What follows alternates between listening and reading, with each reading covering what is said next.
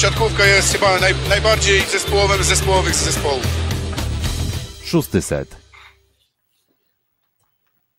Witajcie. Słuchacie podcastu Szósty Set w składzie trzyosobowym, trójosobowym. Um, tradycyjnie ze studia w Warszawie Piotr Złoch. Ze studia w Rzeszowie Filip Kryfanty, cześć. I z, też z Warszawy Kuba Lewandowski, witam. Tak, ze swojego, ze swojego drugiego studia, które jest prawie jak twój dom. O tak, tak to chyba można, można Kuba nazwać, tak? Niestety. E, niestety, Stet, niestety najważniejsze, że e, praca jest, najważniejsze, że świat się toczy mm, dalej.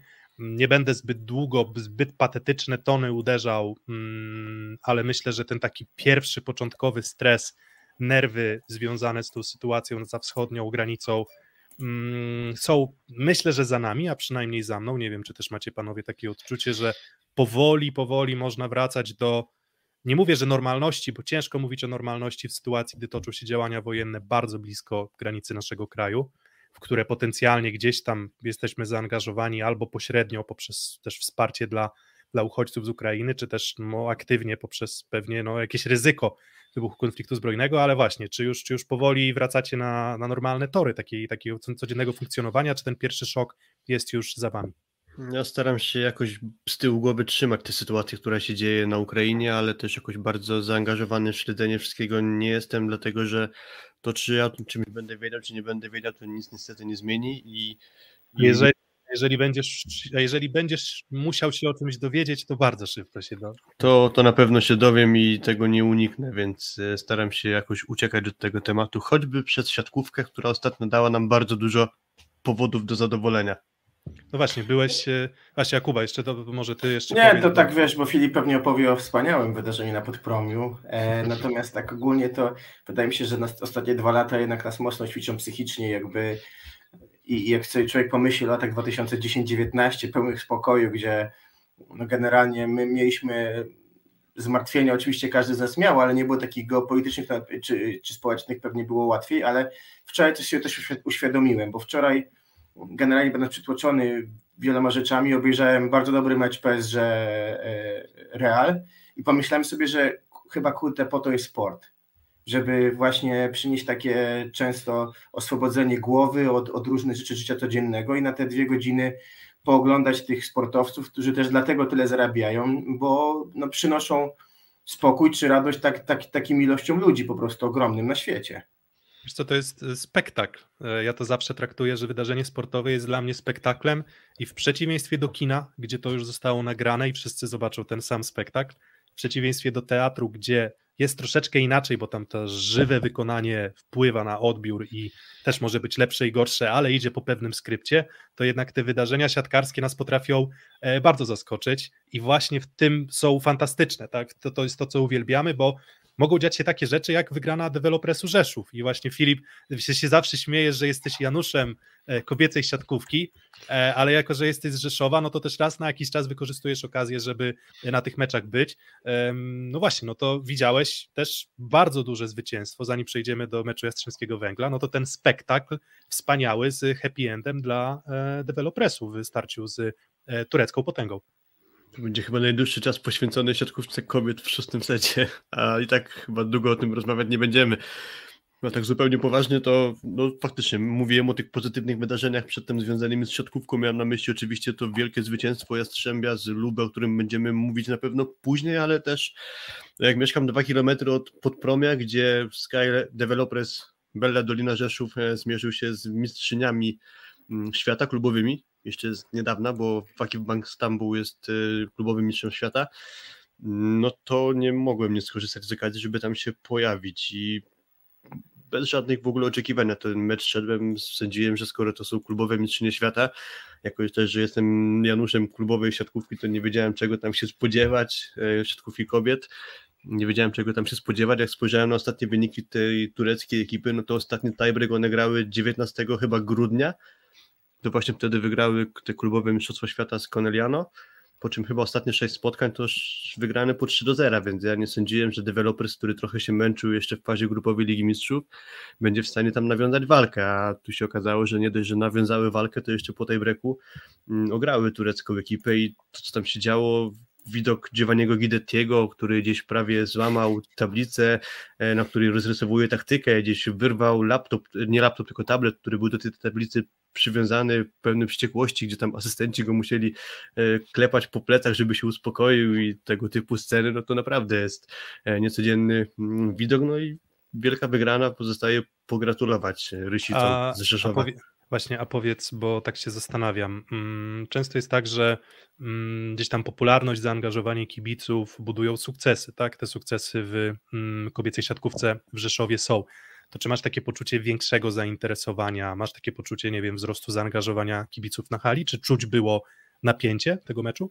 Ja jeszcze też byłem na kilku spotkaniach y, Ligi Kobiet, czyli takie mecze powiedzmy bardziej standardowe jak na, na Rzeszów, na drużynę dewelopresu, no to myślę, że frekwencja była zwykle niższa, i też czułem trochę jakby większą skalę zaangażowania kibiców w doping w tym meczu właśnie z Bankiem w Lidze Mistrzów.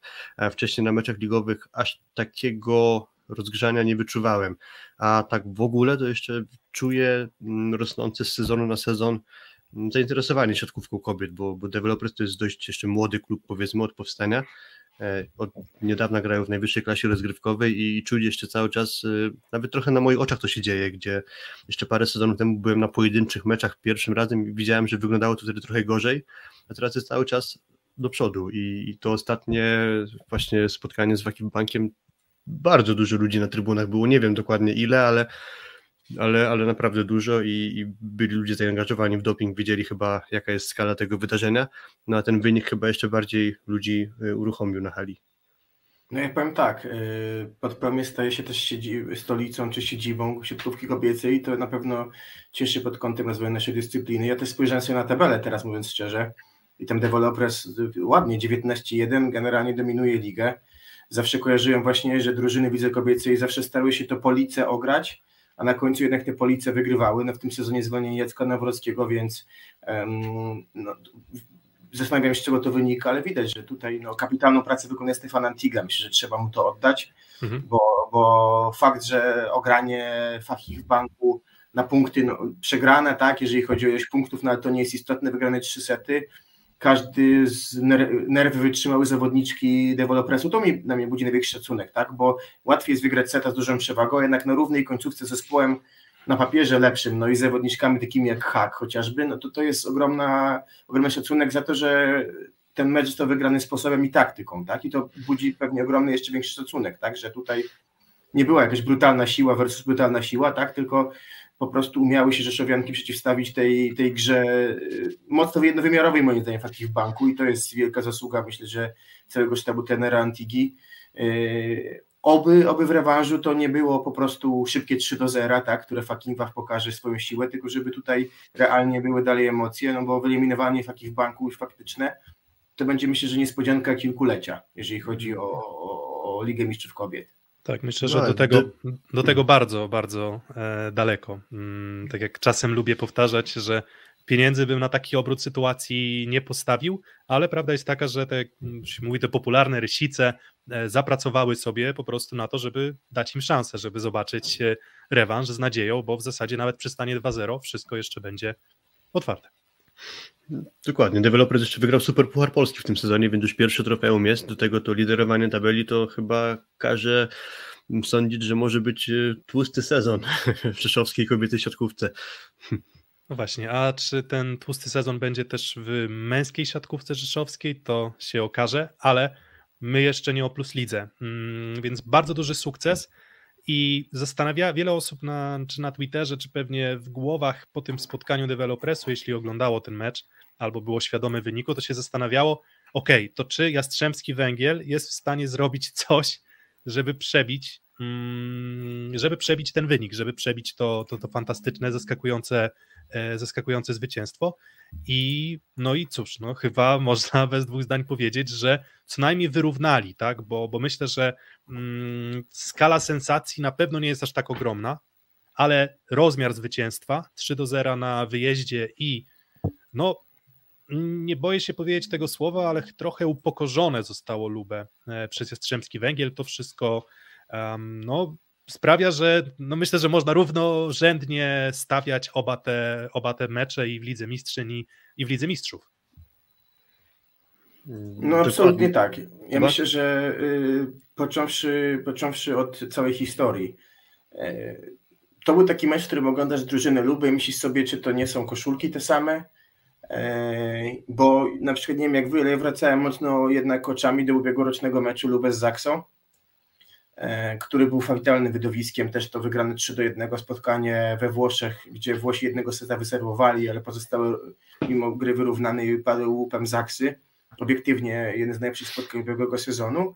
I patrzę sobie na to wszystko i patrzę na to Lubę i widzę zamiast Quantoreny jest ktoś inny, zamiast y, Leala to oczywiście jest ktoś inny, zamiast Rychlickiego też jest ktoś inny, został środek i rozegranie libero, e, natomiast to Lubę wyglądało bezpłciowo w tym meczu. Myślę, to jest dobre słowo, naprawdę mocno bezpłciowo.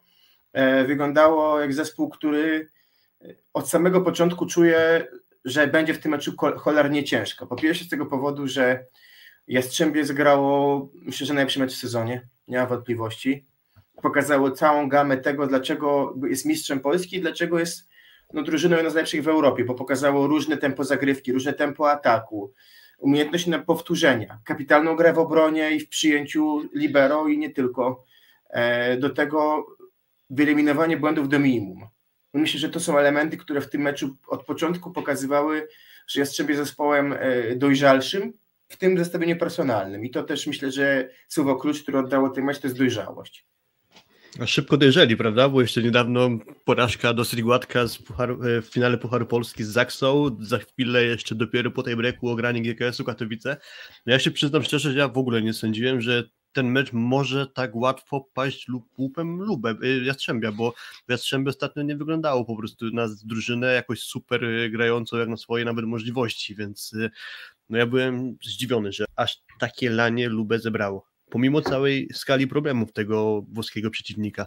Tak, no właśnie tak się kuluarowo, mm, kuluarowo śmialiśmy się z tego, że dobrze, że nie nagraliśmy odcinka przed meczem, przed zmaganiami um, właśnie Lubę czy Witanowy z Jastrzębskim Węglem, bo gdyby taki, gdybyśmy taki odcinek nagrali, to tak się zastanawiam, co ja bym wtedy wytypował. To bym powiedział, że okej, okay, no dobra, no to takie 3-1 dla Lubę, ale z, na pewno z otwartą szansą na to, żeby Jastrzębski Węgiel wywiózł punkt. Tak? Raczej, nie, raczej nie zakładałbym zwycięstwa, a na pewno nie założyłbym zwycięstwa 3 do 0, więc tutaj myślę, że mm, zresztą większość e, osób pewnie, która typowałaby, mogłaby tak do tego podejść, czyli że Jastrzębski Węgiel może spokojnie nawiązać rywalizację, no ale zastanawialiśmy się nad tym, czy ta siła Lubę, brutalna taka siła Lubę, bo to trochę taka trochę z tymi młodymi na skrzydłach, z Gabim i właśnie z Jantem, mm, którzy zawiedli, o czym, o czym zaraz powiemy.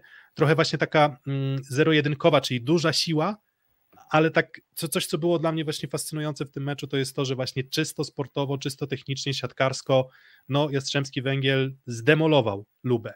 Um, I oczywiście no, ta, ta wartość techniczna całej drużyny jest uzależniona też od, mm, od, od, wartości technicznej każdego z zawodników, no ale niestety wyglądało tak, że właśnie Ianti Garcia, Gabi Garcia na tle Jastrzębskiego Węgla po prostu wypadli jak no, szczawie, które nie dorosły do rywalizacji, no jednak z, z bardzo okrzypniętą, taką bardzo zdeterminowaną drużyną, która miała, tak jak Kuba powiedziałeś, doskonały plan na, na ten mecz. Jest to trochę zaskakujące, lekko zaskakujące w zasadzie, bo to są młodzi gracze, którzy raczej nie byli przed sezonem szykowani do pierwszej szóstki luby, ale którzy już sporo pograli w tym sezonie, bo i Garcia, i Jant e, mieli już sporo okazji do występowania z racji tego, że długotrwale kontuzjowani są Juan Torena i Zajcew, a w tym spotkaniu ono kompletnie tym dwóm graczom nie wyszło i, i to była na pewno jedna z przyczyn tego, że Jastrzębie po prostu taki wynik y, uzyskało. Nie tylko na tej dwójce myślę, że zawiedli się mm, włoscy kibice czy tam trener Blędzini, bo tak w zasadzie to powiedziałbym, że dobry mecz zagrał, nawet bardzo dobry zagrał Simon, y, Lucarelli i całkiem niezły Balaso, a myślę, że cała ekipa, reszta mm, włoska już na swoim poziomie na pewno y, nie zagrała. Pewnie jeszcze za chwilę na jakieś większe czynniki pierwsze rozłożymy to, jakie problemy ma Kucinę Lubę w tym sezonie, ale nawet jeżeli będziemy coś wytykać tej drużynie, to mi się wydaje, że Jastrzębie grało tak, że nawet gdyby Luba zagrało jeszcze lepiej, to i tak ten mecz padłby łupem y, mistrza Polski. Wiesz, Jakub Macyra, który blokował Simona, to jest też szacunek, gdzieś ten Simon. I to, Simona, za chwilę za niego. Tak, i to otwierając y, tak szybciutko mecz, tak? Więc to, Tak. to, to, to mo- można byłoby się zastanawiać, kurczę, no gościu, który pewnie jest w hierarchii polskich środkowych na miejscu 49, a no ogrywa jeden na jeden, no gościa, o którym pewnie można by powiedzieć, że jest numerem jeden, tak? No Zobaczcie, Tak, jak to w ogóle jest, absolutnie. jaki to może być koszmar dla Simona. W zeszłym sezonie blok Kochanowskiego, w tym sezonie blok Hoovera, teraz blok Macyry. Myślę, że Simon tam widzi biało-czerwoną flagę i myśli sobie, Boże, znowu oni.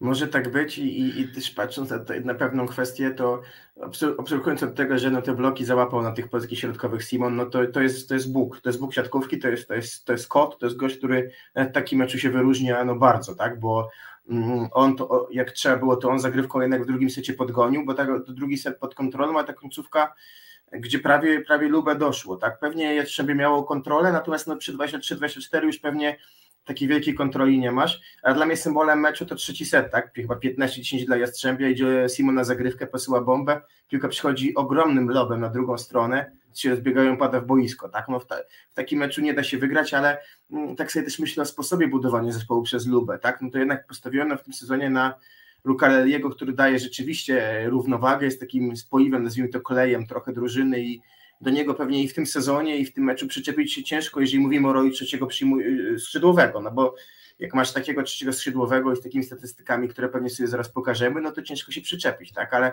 buduje zespół jeszcze na bardzo wiekowych już, czy może inaczej wiekowych, doświadczonych Juan i Zajcewie.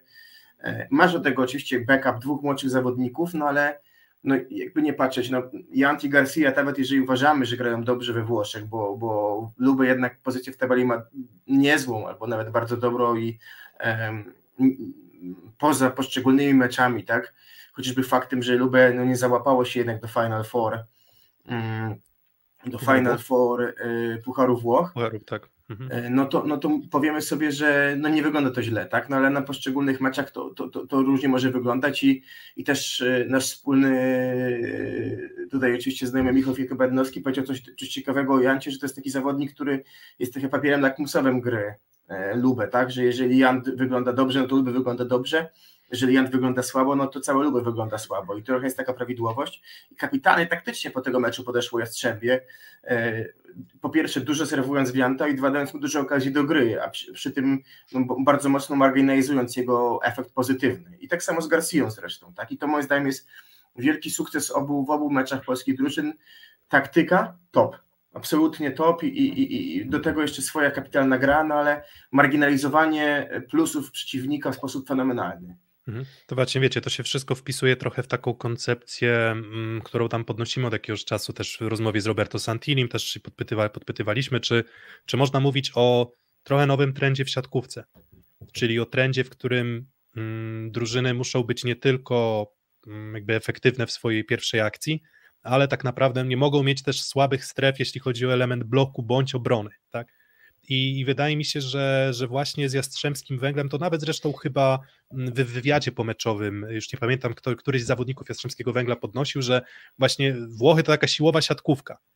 I pamiętacie, że byliśmy zachwyceni przez wiele lat w momentach dominacji drużyn włoskich, czy też byliśmy za, zachwyceni tą potężną siłą Zenit, Zenitu Kazań, tak? Mm, W lidze, w lidze Mistrzów.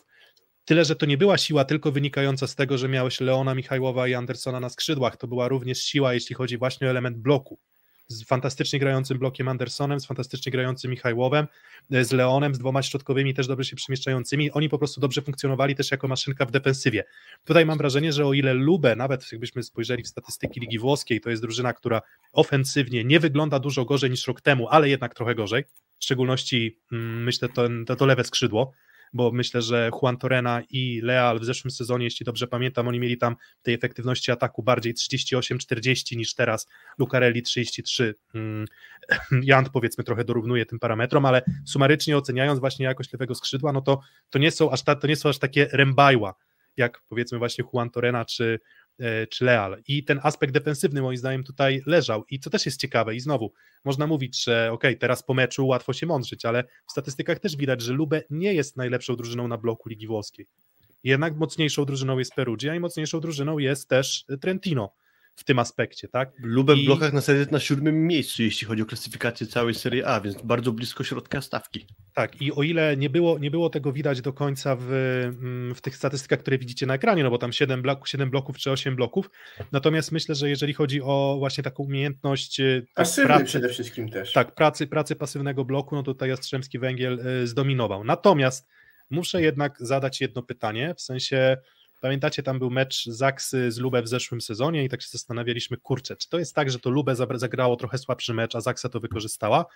No i właśnie, o ile Lubę zagrało po prostu słabszy mecz, a na ile, no bo myślę, że na dystansie 10 spotkań to nie spodziewałbym się tego, że Jastrzębie powtarzalnie wygrywałoby 3 do 0, więc ja mimo wszystko podnoszę tezę i ciekaw jestem waszego zdania i też oczywiście e, słuchaczy na czacie, czy, czy to było bardziej słabość Lubę, czy, czy, czy siła Jastrzębskiego Węgla? O tak, bo pewnie nie ma dobrej odpowiedzi, ale, ale sam, sam zachodzę w głowę i nie wiem. Mm, Ja myślę, że to była i słabość Lubę, o której za chwilę powiemy, ale też siła Jastrzębia. Tylko na krótko powtórzę to, co powiedziałem przedtem. Gdyby Lubę zagrało lepiej, to i tak moim zdaniem Jastrzębie by to wygrało ze swoim poziomem gry. Ja tylko ustawię grafikę, a Kuba, jeśli byś mógł, to, to, to Tak, bo ja chcę powiedzieć o jednej rzeczy na przykład. To zwróćmy uwagę na przykład Fornal w tym meczu potwierdził wszystko. To, co możemy o nim powiedzieć. E, Zagrał bardzo, bardzo dobry mecz, absolutnie. To niech wybrzmi jako pierwsze. Ale gro punktów, jakie on zdobywał, to były punkty zagraniami technicznymi. Chociażby w drugim secie. Trzy razy dostał piłkę pod rząd, trzy razy to były różne formy kiwki. Każda kapitalna, bo to piłka, kiwka w pierwszy czy drugi metr, czy to po, po wstrzymaniu ataku, czy plas bardziej, czy kiwka krótkim kontaktem. I to było absolutnie fenomenalne. Tylko, że potem dostał piłkę na wyższy blok i poszedł siłowo i dostał już czapę Simona. I moim zdaniem takie Lubę absolutnie nie odrobiło zadania domowego taktycznie.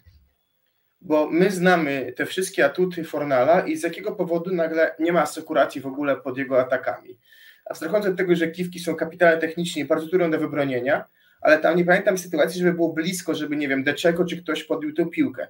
Pewnie też może było na przykład tak, że w Jastrzębie była informacja do Fornala Kiwe, bo jest Deczeko, wiemy jaki on jest. On nie jest najbardziej mobilny, tak, jeżeli chodzi o obronę. Widzisz, ale to E- jest, wiesz, Kuba, ale to jest ciekawy punkt, bo może Lubę jako takie właśnie przegrało między innymi dlatego, że nie było gotowe na tę zmienność, bo po prostu jak sobie przyjrzymy się składowi Lubę, to Juan Torena jest bardzo dobry w obronie, w sensie on jest bardzo sprawny, tam robienie z niego takiego, wiecie, tylko i wyłącznie gościa, który tam na wysokiej mm, jest w stanie kończyć, to absolutnie nie, tak, on jest człowiekiem, który pod, w tyłach gra bardzo dobrze.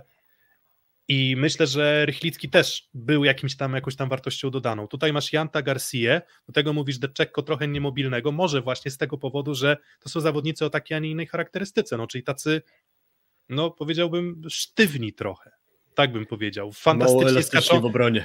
fantastycznie skaczący, fantastycznie e, silnie atakujący, ale, ale jednak nie, mm, nie najsprawniejsi. Może, tak? Ale jak sobie to- wiesz, myślisz o tym meczu Zaksy na przykład z Jastrzębią, to patrzysz na zupełnie innych zawodników w Zaksie jednak do gry w obronie. Gdzie pamiętam rok temu Zaksa jednak miała problem największy z Lubę, kiedy Lubę po prostu kopało niemiłosiernie, prawda? Bo rewanż no to była brutalna siła tak naprawdę Lubę, z którą no, nie było sposobu, bez do tego kapitalny Danzani. A tutaj jednak e, Jastrzębie, przeciw które e, gra bardzo ró- ró- różną siatkówkę. I to widać na, na, na przykładzie zagrywki Cleveno, na przykładzie zagrywki Toniutiego, na przykładzie zagrywki Fornala, na przykładzie tempa ataku Hadrawy, bo zwróćcie uwagę, co jest największym atutem Hadrawy, zmienność tempa. I kompletnie z tym sobie Lubię nie radziło, kompletnie, mimo że powinni go znać świetnie, tak, bo z nim trenowali rok, trenował z nim rok Jant, trenował z nim rok Zajcew, y, sorry, nie Zajcew, y, Dyczeko, trenował z nim środkowy jeden i drugi, tak, Jeszcze a mimo tego jest- on sobie radził kapitalnie, tak? Zmiennością tempa. Mhm. Jeszcze ciekawe jest to, że przecież rezerwowy Lubę właściwie z poprzedniego sezonu teraz w pierwszym składzie wychodzi na mecz przeciwko nim i, i leje im ich. Śmiałem się trochę, że Jastrzębski Węgiel pojechał bardzo ofensywnie nastawiony do Włoch, bo aż trzech atakujących znalazło się w kadrze meczowej Jastrzęben, bo jeszcze był Barotti, był jeszcze Boja, wystarczył Jan y, Hadrawa i to było wystarczające, żeby ograć włoską ekipę. Mówiłeś przed tym o Tomaszu Fornalu, podkreśliłbym też jego znakomitą grę w przyjęciu. Bo był niemalże nie do złamania, do tego ta zmienność ataków, na, która, no, na którą Lubę po prostu chyba nie było przygotowane albo nie byli w stanie znaleźć odpowiedniego mm, sposobu. E, gdzieś cały czas podkreślałem to, że chciałbym poruszyć temat pewnej słabości Lubę, bo popatrzymy na papier, no to papier mówi, że to jest bardzo mocna ekipa, po czym popatrzymy na to, jaki oni mają w ogóle sezon i jak ostatnio grają, no to już trochę takiego wrażenia wielkiego nie sprawia, jak to, co jest y, wypisane w składzie. Mm, powiedziałeś Kuba o tym, że oni odpadli w Pucharze Włoch już w ćwierćfinale, czyli pierwszy raz od wielu lat zabrakło ich Final Four Coppa Italia. Mm, to było wtedy, kiedy oni przyjechali do Gliwic na mecz Ligi Mistrzów y, z Zaksą po przerwie covidowej. Wygrali w Gliwicach 3 do 2, po czym czekało ich spotkanie z Mediolanem w ćwierćfinale właśnie Pucharu Włoch, no i odpadli. E, to była jedna z y, wielu powiedzmy mm, spraw, które sprawiały, że ten sezon jest po prostu dla Lubę nieudany. Jeszcze wcześniej na początku sezonu w ogóle przegrali z Monzą w półfinale Superpucharu, gdzie ta Monza jest tylko chyba lekko powyżej środka tabeli Serie A, też im na pewno chluby nie przynosi i kolejne trofeum im już odpadło. Teraz są już jedną nogą powiedzmy poza e, półfinałem Ligi Mistrzów, czyli pożegnają się na poziomie ćwierćfinału. E, w samej Serie A na trzy mecze przed końcem rundy zasadniczej już stracili matematyczne nawet szanse na to, żeby wyprzedzić Perudzie. Akurat w Serie A, jak pokazuje historia, wygranie fazy zasadniczej jest bardzo ważne w kontekście grania potem playoffach o Mistrzostwo Włoch, bo dużo pomaga przewaga własnego parkietu. E, do tego te ciągłe kontuzje, czyli jest e, kontuzjowany Zajcew, który już po trochę wraca do składu, do tego Juan Torena. E, mówiliśmy kilka razy już o tym, że słabo zagrał Marlon e, Jant, e, czyli ten gracz, który zastępuje Juan Torenę, a raptem kilka dni przed meczem z Jastrzębskim Węglem Jant grał w meczu z Modeną i skręcił kolano. On w ogóle nie był jakby pewny tego, że wystąpi, więc mogło się tak skończyć, że na mecz z Jastrzębiem zagrałby mm, Lucarelli i w zasadzie trudno powiedzieć kto, bo Juan Torena nie nadaje się do grania jeszcze, e, kontuzjowany jest Kowar, do tego gdyby nie mógł grać Jant, no to pewnie zanosiłoby się na to, że Iwan Zajcew wróciłby z powrotem na przyjęcie, wtedy nie byłoby już kompletnie odejścia e, na ataku od e, Gabiego Garcii. Też jest młody zawodnik, o którym mówiliśmy, że słabo zagrał. Mm, Włosi piszą o nim jeszcze gdzie niegdzie per baby, więc to też dużo mówi o tym, jak ten gracz jest tam traktowany. Mm, w ogóle to jest świeżak na poziomie Serie A, bo jeszcze w poprzednim sezonie grały na poziomie NCAA w Stanach Zjednoczonych. Swoją drogą w ekipie syna Andrei Gardiniego, czyli razem z Davidem Gardinim tam swego czasu robili furorę w USA. No i łącząc to wszystko do, do jakiejś jednej całości, no to pokazuje, że to Lubę nie jest e, jakimś super mocnym rywalem na swojej fali. Mhm. Owszem, to nie jest no, też tak, że... Jest to, właśnie, bo to jak jest komentarz, sobie wyróżniłem na czacie, tak się wetnę, że Zaksa wygrała z lepiej grającym Lubę rok, rok temu i, i, i, i, chyba się zgodzimy, no ja się, ja się zgadzam, że um, właśnie, bo to tak, bo to wiecie, bo to znowu to jest tak, ktoś może powiedzieć, że umniejszamy mm, jakości gry Jastrzębskiego Węgla, no to na, na każdym kroku i co chwilę będziemy powtarzać, że Jastrzębski Węgiel zagrał kapitalne spotkanie. Tyle tylko. Sezonie najlepsze, najlepsze w tym sezonie, ale nie zmienia to faktu, że to jest słabsze Lubę niż, niż, niż w zeszłym sezonie. No to właśnie, jest Lubę, bo... które, które gra, on gra na trochę, mam wrażenie, niższej intensywności też, ma gorzej dopracowane schematy i, i w pewnych, pewnych momentach, to co już powiedziałem, jest takie zero-jedynkowe, bardzo duża wiara jest w to, że Simon będzie te mecze wygrywał sam, a uzależnienie od środkowego, no mówię, no mimo wszystko Jant i Garcia to pewnie są kapitalne talenty. Myślę, że co do Janta to w ogóle wątpliwości nie mam. Zresztą te, te statystyki tutaj Janta pokazują, no on gra, jeżeli chodzi o czysto skuteczność, efektywność, tam już tam nie mówię o wpływie na drużynę, no to takie wyniki, jakie on prezentuje, są absolutnie mm, absolutnie kapitalne. Tak? To, to, to nie, ma co do, nie, ma, nie ma dwóch zdań, nie ma co do tego w ogóle żadnych wątpliwości. Ale jeszcze nie, ale to jeszcze nie jest ten, ten najwyższy poziom. To, nie, to nie są zawodnicy też, wiecie, okrzypnięci w tej grze o najwyższe cele. A jednak, tak jak mówisz, no stawiasz na dwóch młodych, stawiasz na Janta i Garcia, dla których to było tak naprawdę być może pierwsze zderzenie w meczu już takim naprawdę ważącym, bo faza grupowa Ligi Mistrzów to jest troszeczkę inna rzecz niż mecz ćwierćfinałowy, gdzie no, jeżeli nie wypracujesz sobie przewagi, to lecisz i Lubę jest w tym momencie na, na drodze do, do wylecenia z Ligi Mistrzów. Mhm. Nie wiem, tak. no wiesz, pamiętam, mówię, co, co ma się nagle wydarzyć przez ten tydzień. musiałoby dojść do tego, że Lubę przyjeżdża i gra tak samo dobrze, jak zagrało rok temu w Kędzierzynie. To jest pierwsza rzecz. Druga rzecz jest taka, że musiałaby, wydaje mi się, nadrobić bardzo mocną pracę taktyczną. Trzecia rzecz, nie zmieni się dużo po stronie Jastrzębia, bo dalej oni będą przygotowani, myślę, bardzo dobrze do tego dwumeczu. Wchodził Zajcew, ale czy on robi taką wielką różnicę, ciężko im powiedzieć. Moim zdaniem nie, bo okej, okay, on tam robił czasami skosy, jak dostał pojedynczy blok, ale to było tylko przy dobrym przyjęciu. On przy gorszym przyjęciu też się na wysokiej piłce męczył. Takie przeświadczenie, że mało, mało w tej chwili ma takich atutów realnych lubę, który może odpalić w meczu rewanżowym. Ja myślę, że tylko zagrywka, ale to wiem akurat, że Jastrzębie jest odporną na mocno serwującą, y, serwującego przeciwnika y, drużyną. Mm. obawialiśmy się tego. Obawialiśmy się trochę w tych wszystkich naszych predykcjach, jeszcze tam wcześniejszych, gdy tam na etapie oceny losowania i tam z kim może Jastrzębski Węgiel walczyć, to obawialiśmy się tego, co się wydarzy, gdy, gdy Jastrzębski Węgiel zostanie złamany zagrywką. Nie został złamany zagrywką. Jakby co do, co do zasady, to raczej nie chcę mówić, że Jastrzębski Węgiel też tę jakąś piorunującą zagrywkę pokazał. Tak ja bym powiedział właśnie, że wiecie, to jest paradoks, że, że wbrew pozorom Jastrzębski Węgiel w wielu sytuacjach wykazywał się taką ogromną cierpliwością na tej tak. zagrywce, trochę wierząc, że załatwimy sprawę relacją blok-obrona.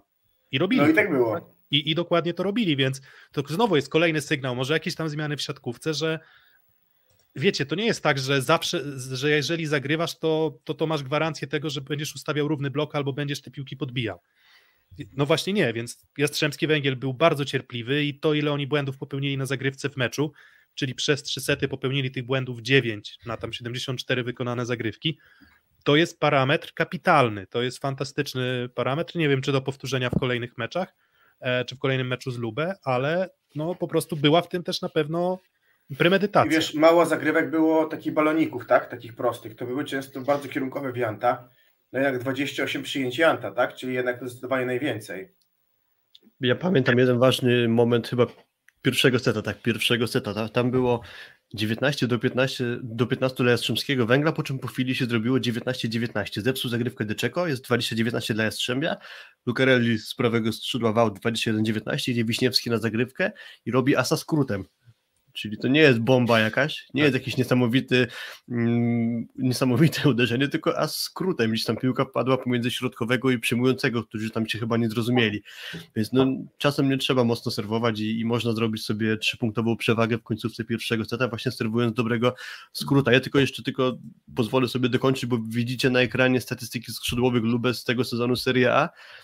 To nie jest w relacji z czymś, a lepsza będzie jeszcze ta grafika, o której teraz którą teraz postaram się pokazać.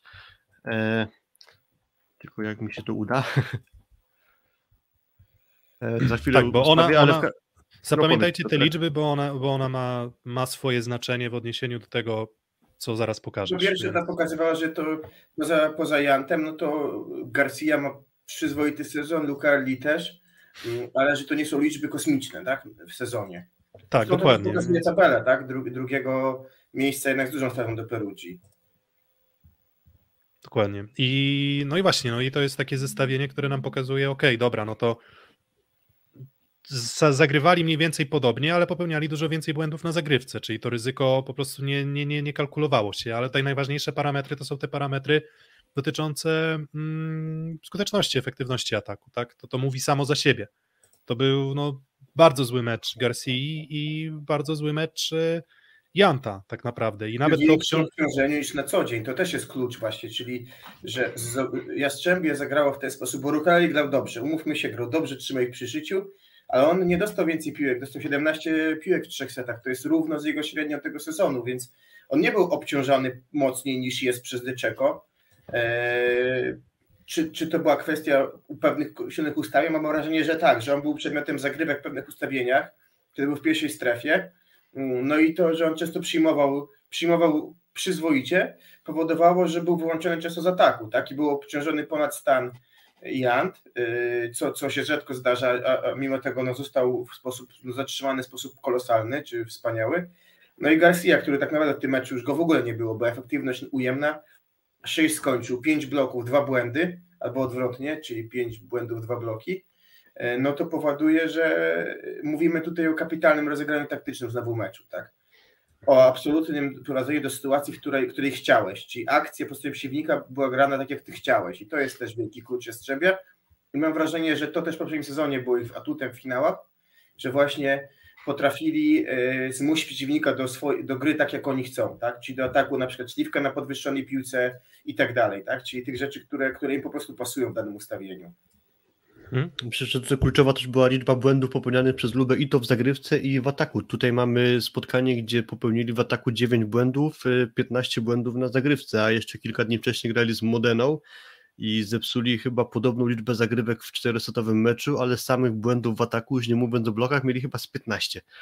To jest ogrom, ogrom. Jak na cztery sety, no to, to jest ogrom. Mówię o tym meczu z, z Modeną, a tutaj było trochę krótszy dystans, a tych błędów i tak bardzo dużo. Jeszcze względem Jastrzębia, które w ataku zrobiło tylko trzy błędy, e, w zagrywce 9, no to myślę, że to dosadnie pokazuje, w czym to spotkanie się rozstrzygnęło. Po prostu Lubę ze swojej strony nie dostarczało piłki Jastrzęby, tylko po prostu jak miało okazję, to, to, to nie wykorzystywały w ten sposób, że no, po prostu tracili piłkę bezpośrednio, nie zostawała ta piłka w grze. Mm, trener Blędzini jakiś czas temu powiedział jeszcze zanim to spotkanie z Jastrzębiem się zaczęło, mm, mówił o dużej liczbie kontuzji, mówił o tym, że oprócz tego, że niektórzy są kontuzjowani, to jeszcze potrzebują po prostu odpoczynku. Pewnie miał na myśli na przykład Simona czy Balaso, którzy grają dużo i mogliby dostać trochę wolnego choćby w treningu, ale też przerwa na COVID zakończona w styczniu sprawiła, że duże zagęszczenie spotkań Luben, no i tej e, przerwy na odpoczynek dla graczy po prostu nie było i Lub nie zakończył wypowiedź mniej więcej w ten sposób, że on się sam obawia, mówił to wprost, że nie będzie w stanie przygotować swojej ekipy na granie ze Strzemskim Węglem i ta, trochę nieporadność Lubę i ta duża liczba błędów, brak pomysłu na rozwiązywanie sytuacji, myślę, że to może też wskazywać na to, że, że Lubę po prostu nie było w pełni gotowe na starcie z, z mistrzem Polski. Tak to po prostu wyglądało potem na boisku. Dokładnie, więc no, odsłonięta garda Lubę z tych wszystkich powodów, o których mówimy, osłabień kadrowych, yy, natłoku terminarzowego, um, ale też i trzeba przyznać, że Jastrzębski Węgiel może nie takimi nokautującymi ciosami, ale do takiego technicznego nokautu, bym powiedział, doprowadził, tak, że rywal już po prostu, tak. tak, takie, takie właśnie, albo może, a może, rywa, może właśnie to zwycięstwo na punkty tutaj byłoby e, lepszą metaforą, ale takie absolutnie zdecydowane zwycięstwo na, na punkty. Mm, Cały no czas nie powiedzieliśmy jeszcze o braku Gładyra, bo w zasadzie to też jest istotna sprawa, no że Jastrzębski Węgiel nie był w pełni składu, bo to, to że nie grali Zajcew i Juan Torena w Lubę to jest jedna sprawa, mm, znaczy Zajcew wszedł na chwilę tylko, jedna sprawa niezaprzeczalna, a to, że brakło Jurija Gładyra to, to jest też e, fakt dotyczący Jastrzębskiego Węgla, no i mimo tego, że że to się wszystko nie składało, że tak się to zakończy we Włoszech, że ta ostatnio dość słaba dyspozycja na tle Zaksy, nie najlepsza na tle Gieksy, do tego to, że Gładyr kilka tygodni bez grania, czyli można powiedzieć chyba, jeśli chodzi o jakąś taką mm, sprawę wolicjonalną, morale i tak dalej, to jest chyba numer jeden dla Jastrzębia, wiesz, zdenerwuj Gładyra i, i masz wielkie problemy, a tam nie było nawet kogo zdenerwować, bo po prostu Juria tam nie była. Zastąpił go Jakub Mazyra, myślę, że Myślę, że nie był to jakiś wielki mecz tego środkowego, ale na pewno zapamięta go na długo, choćby przez to, że zablokował Simona i zablokował niego w tym meczu, a starał się do niego Toniutti grać. Dużo piłek nie dostał, chyba, nie pamiętam, cztery czy, czy jakoś tak. Nie były to jakieś super efektowne zagrania, ale starał się mimo wszystko do niego wystawiać, żeby odwracać uwagę środkowych, czy też pomagających w bloku do środka zawodników Lubej to kilkakrotnie. Zdało fantastyczny egzamin, bo kilka razy w ciemno albo pilnowany był Macyra, a na to nakładany był pipe, czy to z Fornalem, czy z Klevenotem i środkowy Lubę był pogubiony, więc to świetnie się sprawdziło. Ja jeszcze patrzyłem sobie wcześniej na statystyki meczu z GKS-em Katowice przed paroma dniami. Macyra dostał 16 piłek do ataku. I ja się zastanawiam trochę pół żartem, czy to nie był taki zabieg, że no, Lubę musi zobaczyć, co ten Matyra potrafi i jak to Jastrzębie z tym Macyrą gra. Patrzę sobie, Macyra 16 piłek w ataku, to nie no, musimy go pilnować. No i popilnowali go tak, że w pipe elegancko chodził w Jastrzębiu. Dobra, panowie, co się wydarzy za 6 dni? Właśnie, ja już odpaliłem ankietę w tle, więc już tam widzę, że głos liczne spływają. No i właśnie, jaki będzie rezultat? Czy ja zadałem pytanie, czy awansuję do półfinału Ligi Mistrzów? No ale wchodząc trochę głębiej, zadałem też pytanie, jaki będzie dokładny wynik? Czy to będzie awans po zwycięstwie 3 do 0? Czy to będzie awans po wygranych dwóch setach? Po złotym secie? Mm, jak, jak wy to widzicie. tak? Y, głosy raczej są o hura optymistyczne, czyli tam w zasadzie tylko 7% z was, czyli tam pewnie kilka głosów e, mówi, że nie będzie tego awansu Jastrzębskiego Węgla. Wszyscy inni zdecydowanie stawiają na zwycięstwo 3-0, 3-1, no przynajmniej na te dwa sety Jastrzębskiego Węgla wygrane. No i sam jestem ciekaw, e, jestem bardzo ciekaw waszego zdania. To jest nieduże, więc teoretycznie Jastrzębie nie będzie miało czasu stracić formy. A pamiętajmy cały czas, bo mówimy o tym, że, że Lubę ma swoje problemy, że Jastrzębie zagrało świetnie, ale trochę mi się przypomina poprzedni sezon, czyli Zaksa wygrywała na wyjeździe pierwszy mecz i z Lubę, i z Zenitem. A wiemy, co się działo w rewanżach, czyli i Jastrzębie, i, i, i, i przepraszam, i, i, i Lubę, i, i Zenit były w stanie jednak y, naprzeć krwi w rewanżu. Więc jeszcze bym nie przesądzał tego, że mamy polski półfinał, ale na pewno jest blisko. Tylko wiesz, y, ubiegłoroczne mecze pierwsze z akcji to były bardzo wyrównane spotkania, bo abstrahując tak. od tego, że w, w Kazaniu, no to mm, Kochanowski utrzymał ich w grze przy, przy blokując meczową, abstrahując od tego, że na małe punkty wygrało Lubę tak, w pierwszym meczu i tak naprawdę równe sety wygrywała Zaksa końcówki, a y, to mieliśmy takie przekonanie, że tam było, nie wiem, na 52-48 na rzecz Zaksy tak, w tych meczach. Tutaj było jednak takie zwycięstwo bardzo wyraźne i wydaje mi się, że też nasi, nasi widzowie y, i, i ja też zastanawiam, co musiałoby zrobić Lubę, skąd wziąć tą umiejętność ogrania zespołu, który ewidentnie się przygotował na Ligę Mistrzów, bo Jastrzębie no bez tiebreaka do tej pory, ewidentnie się skupiło na tej Lidze Mistrzów. No, przygotowanie tego meczu było fantastyczne i to jest myślę mm, coś, co mnie zaskoczyło bardzo na plus. Ja myślę, że teraz też ten weekendowy mecz z Olsztynem Jastrzębie podejdzie z pewnym dystansem tego meczu z uwagi na sytuację w tabeli, że jednak ta dwójka jest dość klarowna i, i, i jasna i jednak się skupi na tym, żeby do tego, do, tego, do tego półfinału dojść. Mam wrażenie, że też w klubie jest takie oczekiwanie, bo był ten sezon, pamiętacie, kiedy mieli grać z Trentino, e, ale był COVID, kiedy oni ogrywali Zenit, wtedy po tej szalonej pogoni w końcówce tej breka, że parcie na granie bardzo poważnych Lidze jest duże e, i szansa paradoksalnie na finał też jest dość spora, no bo wyeliminujesz lub oczywiście jest Zaksa, ale to jest zespół, który znasz, w którym będziesz miał kapitalny dwumecz, święto siatkówki, pełne trybuny i tu i tu brak wyjazdów, no sytuacja fantastyczna i sytuacja jedna na pewnie na wiele lat, kiedy masz szansę wejść do finału e, i musisz tylko albo aż zagrać najpierw w środę.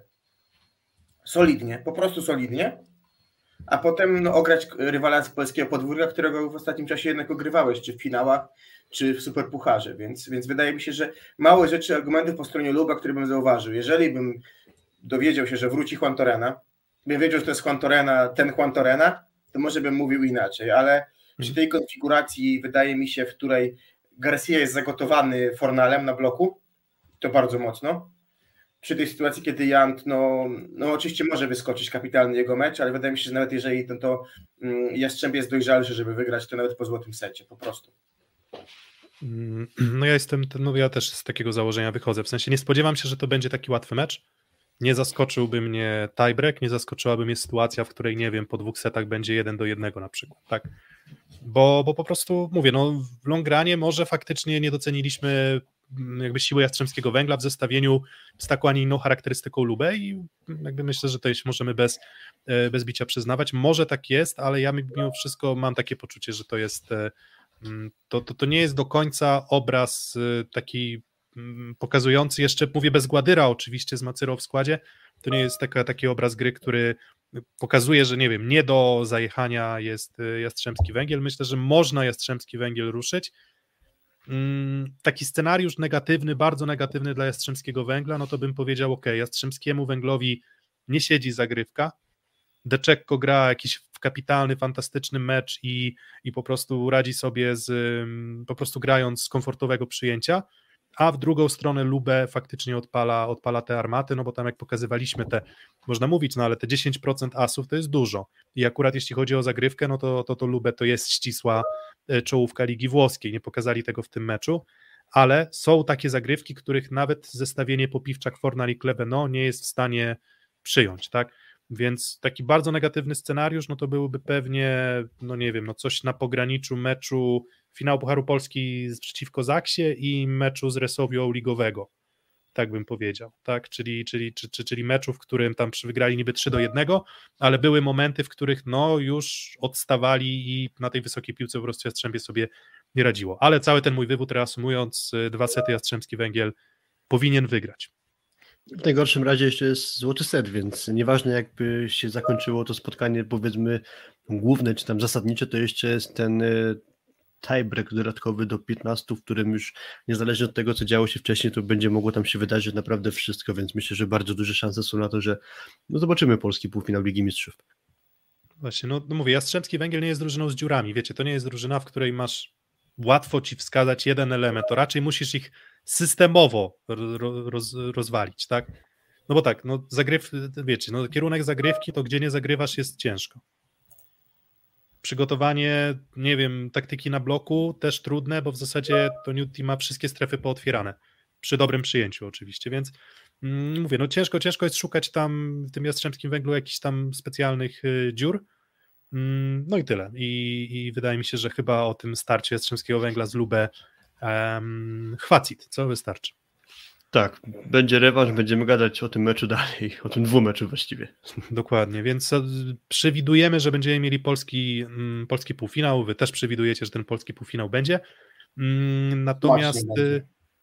tak, natomiast e, czy co by oznaczało, że będziemy mieli drugi rok z rzędu polską drużynę w finale Ligi Mistrzów, co byłoby fantastycznym sukcesem, ale może też i potwierdzeniem trochę zmieniającego się frontu w siatkówce światowej, tak? Może po prostu okazuje się, że no już czas naprawdę już, jak Zaksa przypadkowo wygrała, znaczy przypadkowo, w takim sensie przypadkowo nie, że niespodziewanie, bo przypadkowo to zaraz ktoś mnie tutaj zaatakuje, że to wiecie, o tam przypadkowo Zaksa, nie. Zaksa wygrała zasłużenie, ale niespodziewanie. No i można byłoby powiedzieć, że to jest jakiś wypadek przy pracy, że akurat zebrała się fantastyczna ekipa Grbicza, ale teraz się okazuje, że jednak dwie dominujące drużyny, na, jeżeli dominujesz polską ligę, tak jak Zaksa Jastrzębski Węgiel w tym sezonie dominują, to nie masz czego się obawiać z, z drużynami no tak, tylko masz, wiesz, masz, masz przekleństwo skrzydłowych Leon Anderson i to jest taki zestaw, który dawał ci z wygraną w Lidze Mistrzów hurtowo. W to samo się bawi Sirci e, i wydaje mi się, że no, jestem ciekawy właśnie, czy, czy ten duet to jest duet, który gwarantuje ci po prostu Ligę Mistrzów, mm, bo to jest jednak duet trochę jeszcze starej szkoły mimo wszystko, prawda, takiej bardziej siłowej, chociaż Anderson się bardzo fajnie i wydaje mi się, że tak starzeje pod kątem dojrzewania siatkarskiego do grania trochę bardziej nowoczesnej siatkówki. E, no i właśnie teraz może, nie wiem, mamy jeszcze chwilę do, do meczu i tak obiecaliśmy sobie pewnie, że jeszcze 10 minut do, do meczu po, po, po, porozmawiamy. E, czy Berlin ma szansę? No właśnie, 20.30 Trentino podejmuje Berlin, czyli to e, powiedzmy dosyć szczęśliwe losowanie dla Włochów, bo kto by nie chciał trafić na Berlin. No i skoro tak mówiliśmy, że kto by nie chciał trafić na Berlin, no to chyba wszystko wskazuje na to, że Trentino zamelduje się co najmniej w półfinale Ligi Mistrzów. Ja tutaj u Niemców nie widzę wielkich szans na to, żeby ITAS ograć. E, oni trochę ostatnio mają gorszą pasę, nawet w lidze niemieckiej. E, to nie jest tak, że oni wygrywali wszystko z góry na dół, bo chociażby przytrafiła im się wpadka z VB, nie, nie z VB, tak, z VB Friedrichshafen w ćwierćfinale. E, no, więc to nie jest taka ekipa, która z góry na dół będzie po prostu ogrywała wielkich, tak jak to miało miejsce z Zenitem Sankt Petersburg, chociaż Zenit akurat tamten petersburski to też nie jest taki jednoznaczny czy bezwzględny gigant, rywal w siatkówce, bo, bo to jest powiedzmy z tego, mimo wysoki, że wysokiego poziomu, no to jednak z drugiej półki od góry chyba rosyjska ekipa, więc tych e, zwycięstw Berlińczyków e, bym akurat tam nie przeceniał. E, dla mnie to kadrowo jest jak na Ligę Mistrzów, na taki etap rozgrywek bardzo przeciętny zespół i, i ja sądzę, że tutaj maksymalnie jednego seta Trentino może oddać. Piotrek?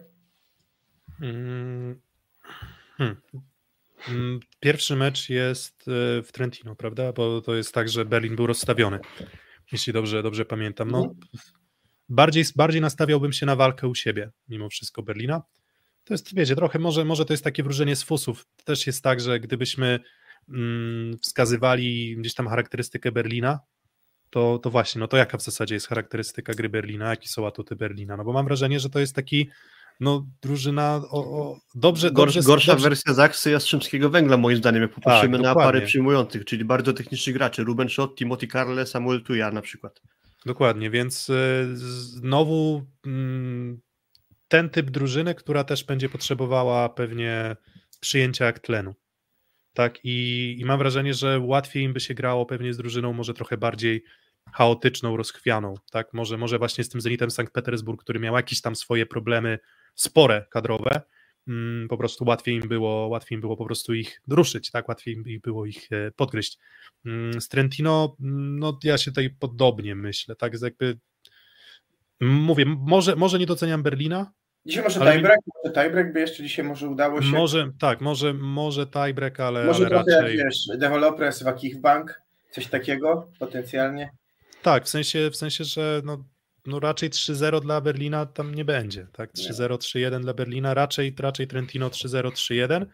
Przy czym to też jest tak, że wiecie, no to Trentino, gdybyśmy tak naprawdę, nie wiem, chcieli mu dużo więcej czasu poświęcić, to też byśmy wskazali słabości. Tak, powiedzielibyśmy, że, że, że to nie wszystko tam, nie wszystko tam się spina, tak? Że to zestawienie z Lawią grającym, jak to ktoś określa, takiego fałszywego atakującego, no ono też zgrzyta. To nie jest tak, że, że Trentino od deski do deski gra fantastyczne, fantastyczne zawody. No od Perugii jednak są wyraźnie słabsi. Czy też Czyli przynajmniej to, co pokazał finał Pucharu Włoch, tak? Więc, mm, więc Perugia dalej pozostaje tym pewnie faworytem numer jeden do zwycięstwa w Lidze Mistrzów. Mm, No i Trentino, no nie można, nie można stawiać w jednej, jednej półce Perugii, Trentino i Lubę. Tak? Więc Trentino to jest mniej więcej poziom Lubę, ale Berlin nie jest drużyną na poziomie Jastrzębskiego Węgla, tak? Więc, więc tak to widzę po prostu. Czyli, czyli Powiedzcie raczej dwie rzeczy. Dwie raczej rzeczy. Granki gra normalnie, tak? Granki gra normalnie, czy coś tam? Tak, tak, jest w kadrze meczowej, właśnie sprawdziłem. Okej. Dobra, a druga rzecz, y, mam takie przekonanie, że mimo, mimo tego, co powiedziałeś Piotrek, że Trentino ma swoje problemy i, i możemy wskazać wady, no to Lawia gra sezon fenomenalny, absolutnie, jakby rozwój go gdzieś tam w, trochę w cieniu Mikeletta, a w tym sezonie jednak Lawia jest po prostu stabilniejszy, może też ten system gry mu pasuje i wydaje mi się, że akurat te atuty znowu, te atuty Berlina, no nie, byłyby łatwiejsze moim zdaniem do pokazania na tle Lubę nawet niż, niż Trent, Trentino, tak, które które. i- i- no, Kto jest tam najsłabszym ogniwem? Pewnie Libero, tak? Zenger.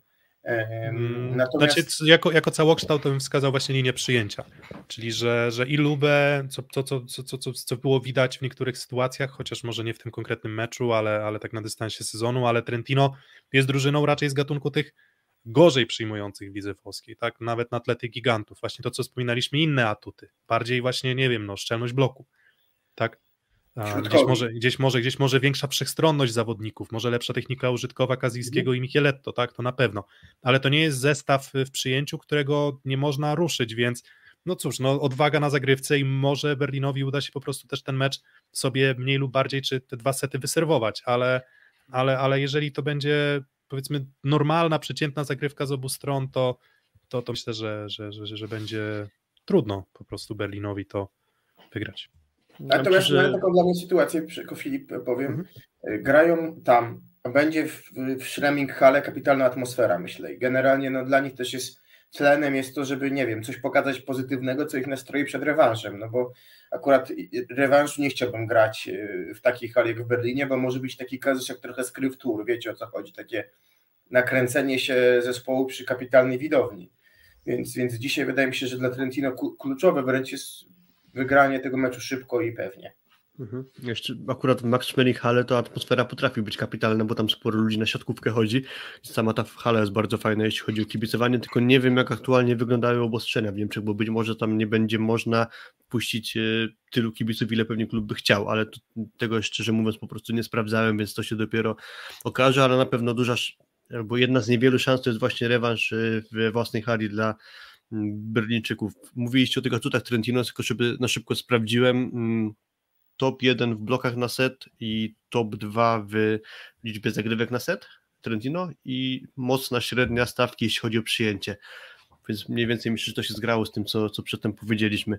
Tylko na moment, jeszcze wracając do tego, że e, no, jakby sile polskich klubów w europejskich pucharach, no to możemy się szczycić tym, że Zaksa wygrała Ligę Mistrzów w zeszłym sezonie, ale czy to był już sufit dla polskich ekip, bo przecież pamiętajmy, że Jastrzębski Węgiel dwie edycje z rzędu tak naprawdę nie mógł pokazać się w tych rozgrywkach, bo pechowo byli eliminowani, więc jeszcze oprócz tego, że Zaksa zrobiła znaki, znakomity wynik, to jeszcze mogło to być podbite przez Jastrzębski Węgiel, który również pewnie jako mistrz Polski mógłby sporo tam ugrać, a po prostu nie miał szansy. W 2018 roku Zaksa była dominatorem polskich boisk, wygrywała Mistrzostwo Polski, i w momencie, gdy wygrywała Puchar Polski we Wrocławiu, to już odpadła w fazie grupowej Ligi Mistrzów, mając Lubę i Modenę za przeciwników.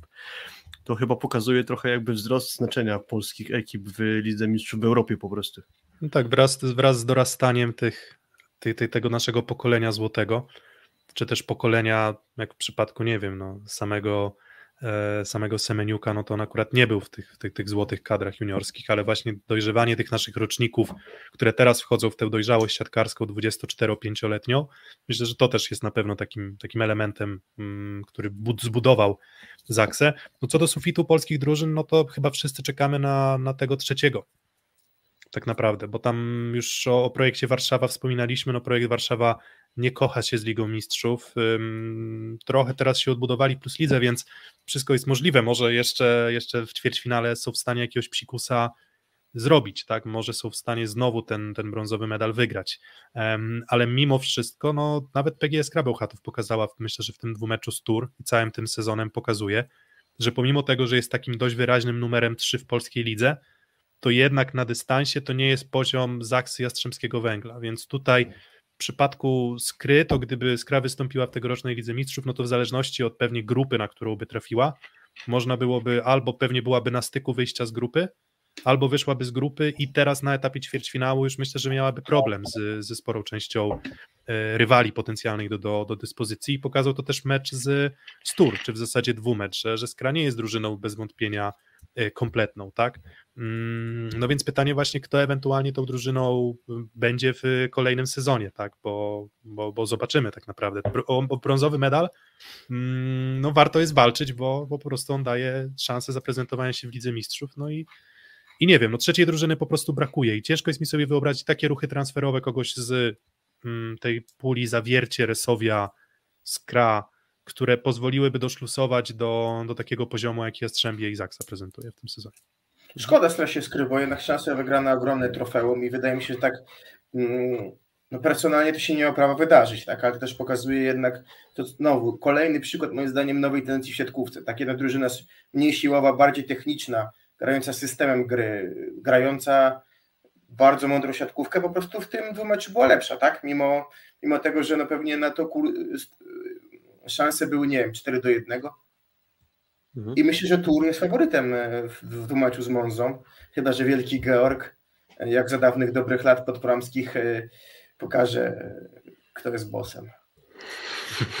Może się skrze koszmar, znaczy skrze już się nie przywróci koszmar akurat z tych meczów z 2012 roku, a, mógł, a, a mogłoby tak być, a mogłoby tak być, gdyby przypadkiem PGS Krabełchatów jednak awansowała do tego finału i zmierzyła się właśnie z Monzą, bo bo naprawdę była duża szansa, żeby po to trofeum sięgnąć, skoro Zenit Kazań został z wiadomych powodów wykluczony z rozgrywek.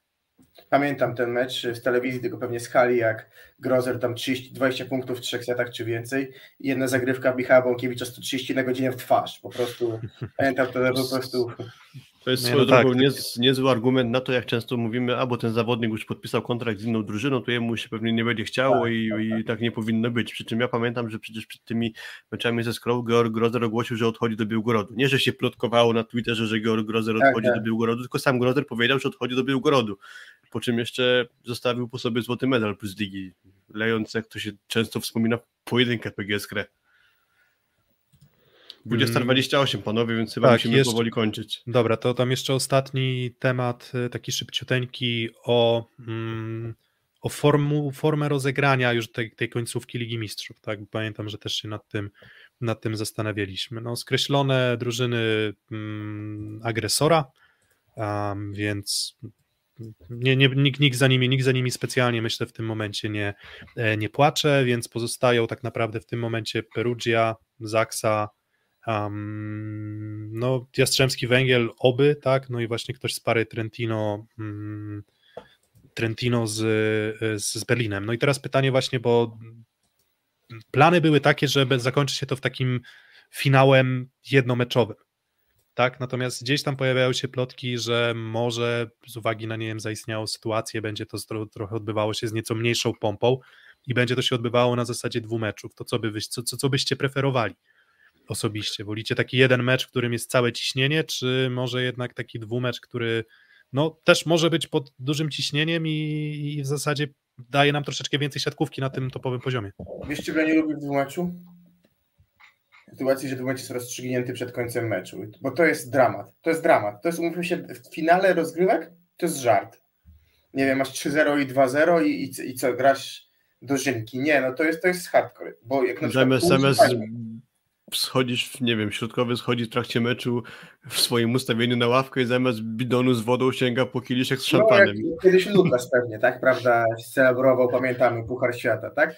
Nie wiem, no, fajnie się skończył mecz Tur, prawda, z Bełchatowem dla Tur, no bo musieli tego to wygrać, żeby mieć awans, prawda?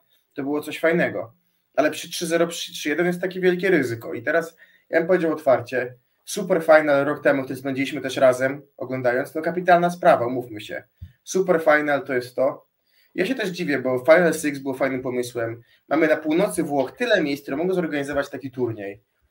Jeżeli już nie chcemy robić tylko jak zwykle w Polsce, albo Final Four, że ten pomysł powinien wrócić, ale jeżeli nie, no to zróbmy chociaż ten super finał yy, kobiet i mężczyzn, tak jak rok temu, a nie róbmy, kurde, dwumeczu, bo to naprawdę to naprawdę nie przystoi, moim zdaniem, obiektywnie. Nawet jeżeli, tak jak Piotrek mówisz, byłyby dwa mecze zamiast jednego fajne, to ryzyko tego, że te emocje się skończą, jest duże. Nie no, takie mówię, meczek, meczek na ciśnieniu finałowy, no mówię, to jest taki ostatni akt sztuki, w którym ostatni, albo ostatni gdzieś tam akt filmu, w którym wszystko się rozgrywa, atmosfera gęstnieje i, i no i szkoda byłoby to myślę rozciągać, ale myślę, że to też są trochę takie wiecie dywagacje jałowe z naszej strony, bo generalnie jak będzie, tak będzie, tak trzeba będzie się do tego do tego zaadaptować, tak? Plus, mm, no tam jeszcze dodatkowo wchodzi temat tego, kto będzie pierwszy grał. Akurat chyba z losowania wygląda to tak, że jeśli Perugia jest tej górnej części drabinki, bo to też już jest tak, że drabinka już jest rozlosowana, więc w tym teoretycznie meczu Zaksy z Jastrzębskim Węglem, no to pierwszy mecz w Jastrzębiu, drugi w Kędzierzynie. No i tutaj też byłoby tak, że pierwszy mecz byłby w Perugii, a drugi byłby w Jastrzębiu lub w Kędzierzynie, tak, jeśli chodzi, zakładając, że Perugia oczywiście awansuje do finału. Mm, że Jastrzębie no awansuje do półfinału. Bądź znaczy, że Jastrzębie awansuje do półfinału, a Perugia awansuje do finału, więc to oczywiście szereg kryteriów, no ale zakładamy taki scenariusz najbardziej prawdopodobny. No ale nie, zdecydowanie jeden mecz. Jeżeli można, to, to jeden mecz i, i, i na, na, neutralnym terenie z oprawą taką fantastyczną, no i z kibicami, tak, no bo w zeszłym sezonie emocje były duże, ale, ale, ale przed telewizorami, a jednak ta oprawa kibicowska myślę, że tylko jeszcze mm, dodałaby uroku, blasku mm, tej rywalizacji. Tak, ja się z wami zgadzam. Jeżeli jest do wyboru dwumecz, a jeden mecz finałowy, to ja jestem zdecydowany za tym, żeby to było tylko jedno spotkanie. No dobra, no to co, 2 do 1 rozpoczyna Trentino, mm, a my po godzince live'a kończymy, więc bardzo dziękujemy. Cieszymy się, że jest was trochę więcej niż ostatnio. Mówię, mam, mam nadzieję, że trochę też wróciliście, otrząsnęliście się razem z nami. Mm, no kontynuujmy, tak? E, cieszymy się, że jesteście i cieszymy się, że nas słuchacie. Temat myślę, że nośny i... Półfinałem polskich drużyn, to live będzie bogaty w, w, w informacje. Tak, i szukajmy, i szukajmy takich promyczków radości. Odskoczni. Odskoczni takich promyczków radości i, i, i mówię, i nawet jak ten AZS mój ukochany przegrywa ze Stalą Nysa, no to, to jednak ten mecz obejrzałem i to trochę mi głowę zluzowało, przynajmniej na, na, na jakiś czas, a, a jak do tego dochodzą jeszcze sukcesy, to, to tym, tym lepiej, więc Dzięki. Trzymajcie się i do usłyszenia w kontakcie. Słuchajcie nas dalej, subskrybujcie, lajkujcie i tak dalej. Dzięki, do usłyszenia. Cześć. Dzięki, cześć.